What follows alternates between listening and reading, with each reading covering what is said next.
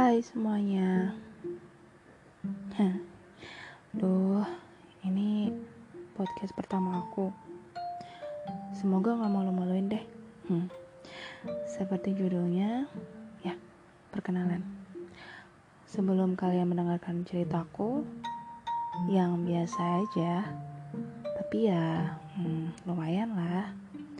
Bisa jadi bayangan imajinasi kalian Kalian mungkin pernah merasakan yang sama?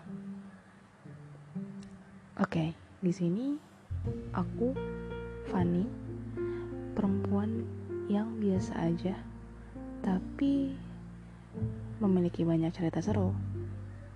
Kata aku.